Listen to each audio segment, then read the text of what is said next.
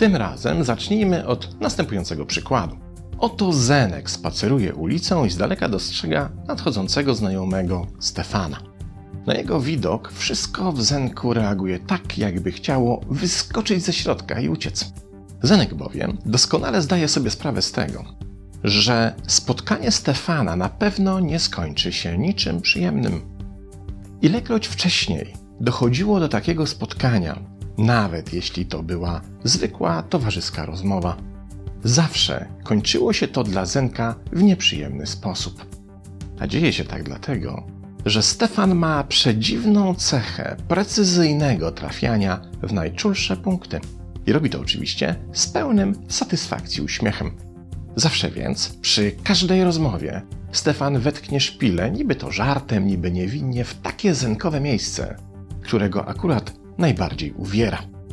Za każdym razem po takiej rozmowie Zenek obiecuje sobie, że jeśli tylko zobaczy Stefana, to od razu czmychnie, bo przecież znowu czeka go to samo.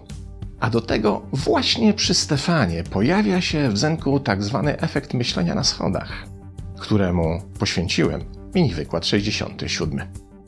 Odpowiednia riposta, którą Zenek mógłby użyć w odpowiedzi na kąśliwe uwagi Stefana, pojawia się zazwyczaj po czasie, kiedy jest już po spotkaniu, kiedy tak naprawdę żadna riposta nie jest już do niczego potrzebna, a jedynie stanowi powód do zarzucania samemu sobie braku umiejętności odpowiednio szybkich reakcji na zaczepki. Jednak teraz nie da się już czmychnąć, uciec albo szybko wskoczyć do kanału, by w ten sprytny sposób przedostać się na drugą stronę miasta. Bo Stefan już stoi przed Zenkiem w całej swojej okazałości i z wyszczerzonym uzębieniem właśnie formułuje pierwsze pytanie. No co tam, brachu, u ciebie słychać? Trzeba więc zjeść tę żabę. Zenek zatem podejmuje zdawkową rozmowę, starając się unikać wszelkich powodów do tego, by Stefan po raz kolejny uraczył go swoimi kąśliwymi uwagami. Niestety i tym razem to się nie udaje. Stefan ma w sobie taką przedziwną moc, że potrafi nacisnąć najbardziej bolesny punkt w najmniej odpowiednim momencie.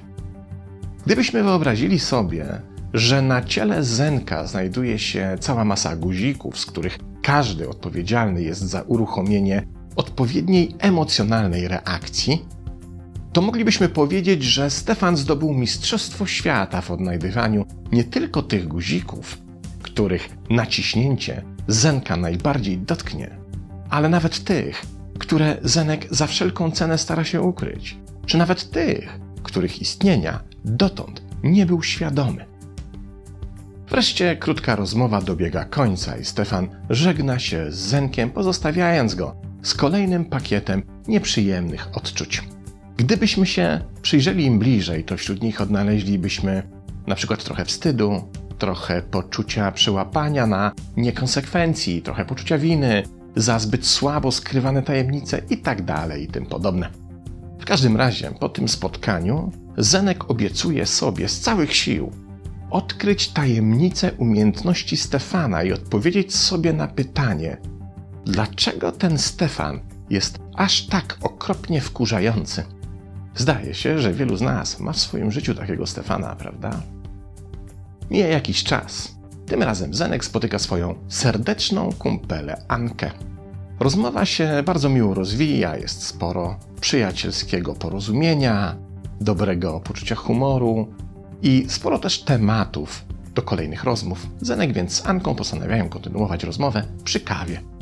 Wchodzą więc do kawiarni, rozglądają się po zatłoczonym pomieszczeniu za wolnym miejscem i okazuje się, że pod ścianą znajduje się stolik zajęty przez jedną tylko osobę, do której przecież można się dosiąść. I dopiero kiedy już Anka głośno wypowiada prośbę o możliwość dołączenia do stolika, oboje się orientują, że osobą, do której się zwracają, jest ich wspólny znajomy Stefan. No jasne, siadajcie, dawno się nie widzieliśmy, odpowiada Stefan, po czym natychmiast z szelmowskim uśmiechem zwraca się do Zenka. No co tam, brachu, u ciebie słychać? No szlak by to trafił. Zenek jest po prostu załamany, ale wraz z toczącą się rozmową przypomina mu się, że miał się uważnie przyjrzeć tej relacji, by odkryć, jaki mechanizm stoi za tym, że Stefan tak precyzyjnie naciska mu na guziki. Zenek zatem uczestniczy w rozmowie ich trojga i jednocześnie pilnie się jej przysłuchuje. Nagle, niespodziewanie odkrywa pewną zaskakującą rzecz. Otóż Stefan nie komunikuje się w ten sposób wyłącznie z nim. Dokładnie to samo robi, rozmawiając z Anką. Stosuje te same numery, te same chwyty. W taki sam sposób próbuje wbijać szpile. Jednak różnica jest taka, że po Ance to ewidentnie spływa. W ogóle nie ma to na nią wpływu, na jej samopoczucie, na jej energię czy też emocje. Zaraz, zaraz, zaczyna kombinować Zenek. Jak to możliwe, że Stefan swoimi słowami tak kuje Zenka i jednocześnie te same słowa, wypowiadane z tymi samymi intencjami, energią i emocjami, nie dotykają Anki? I tutaj wystarczy tego przykładu.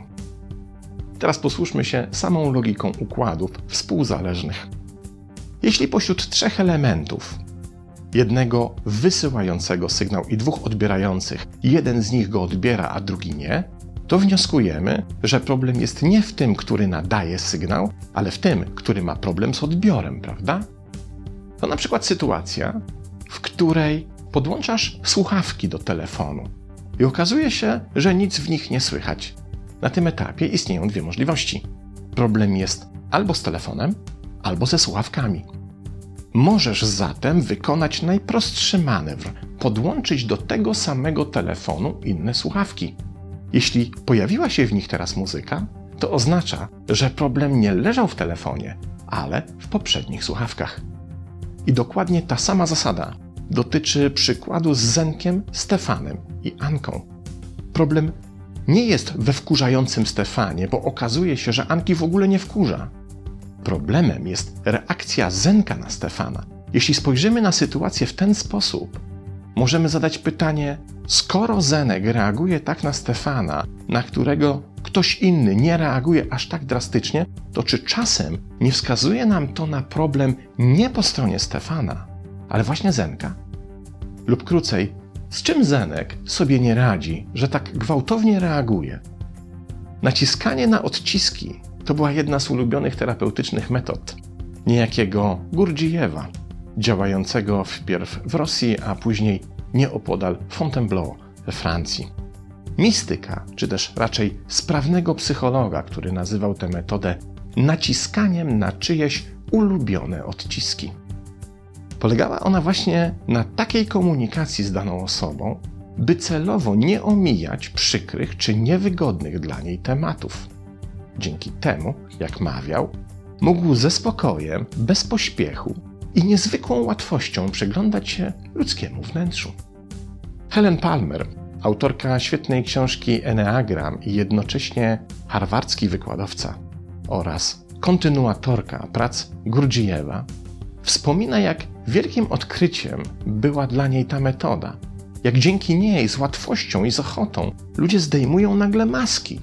Jak pisze Palmer, założone im z wielką powagą przez własnych rodziców. Bo kiedy ktoś nam naciska na odcisk, sam dyskomfort tego nacisku odsłania w nas coś, czego zazwyczaj nie chcielibyśmy eksponować. Nie tylko przed światem, ale i przed samymi sobą.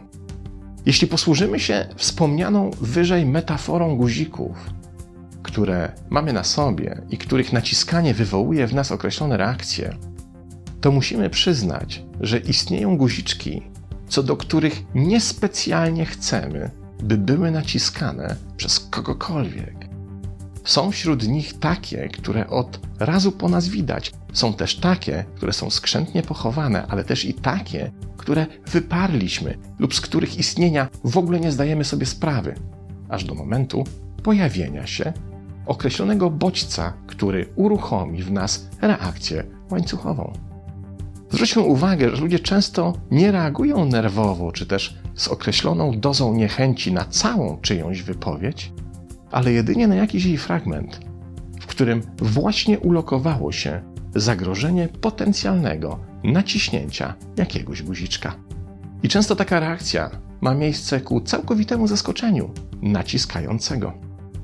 Bo nawet Stefan, specjalista od naciskania niechcianych guziczków, nie jest aż taki genialny, by znać je wszystkie. Często naciska te guziczki, nawet nie zdając sobie z tego sprawy. Jednak nie w tym rzecz. To, co najważniejsze, dzieje się nie po stronie tego, który naciska, ale tego, w którym to naciśnięcie wywołuje konkretną, dyskomfortową reakcję. Zatem, jeśli spotkasz na swojej drodze swojego życiowego Stefana, to najpierw go ode mnie serdecznie pozdrów, a potem przyjrzyj się bliżej swoim własnym reakcjom. I pośród nich szukaj odpowiedzi na najtrudniejsze i jednocześnie najbardziej istotne pytania. Dlaczego właśnie na ten guziczek reaguje w taki sposób? Czego się o sobie dzięki temu dowiaduję? Jakie nieprzepracowane problemy właśnie się we mnie ujawniły? Nad czym jeszcze powinienem pracować? Pozdrawiam.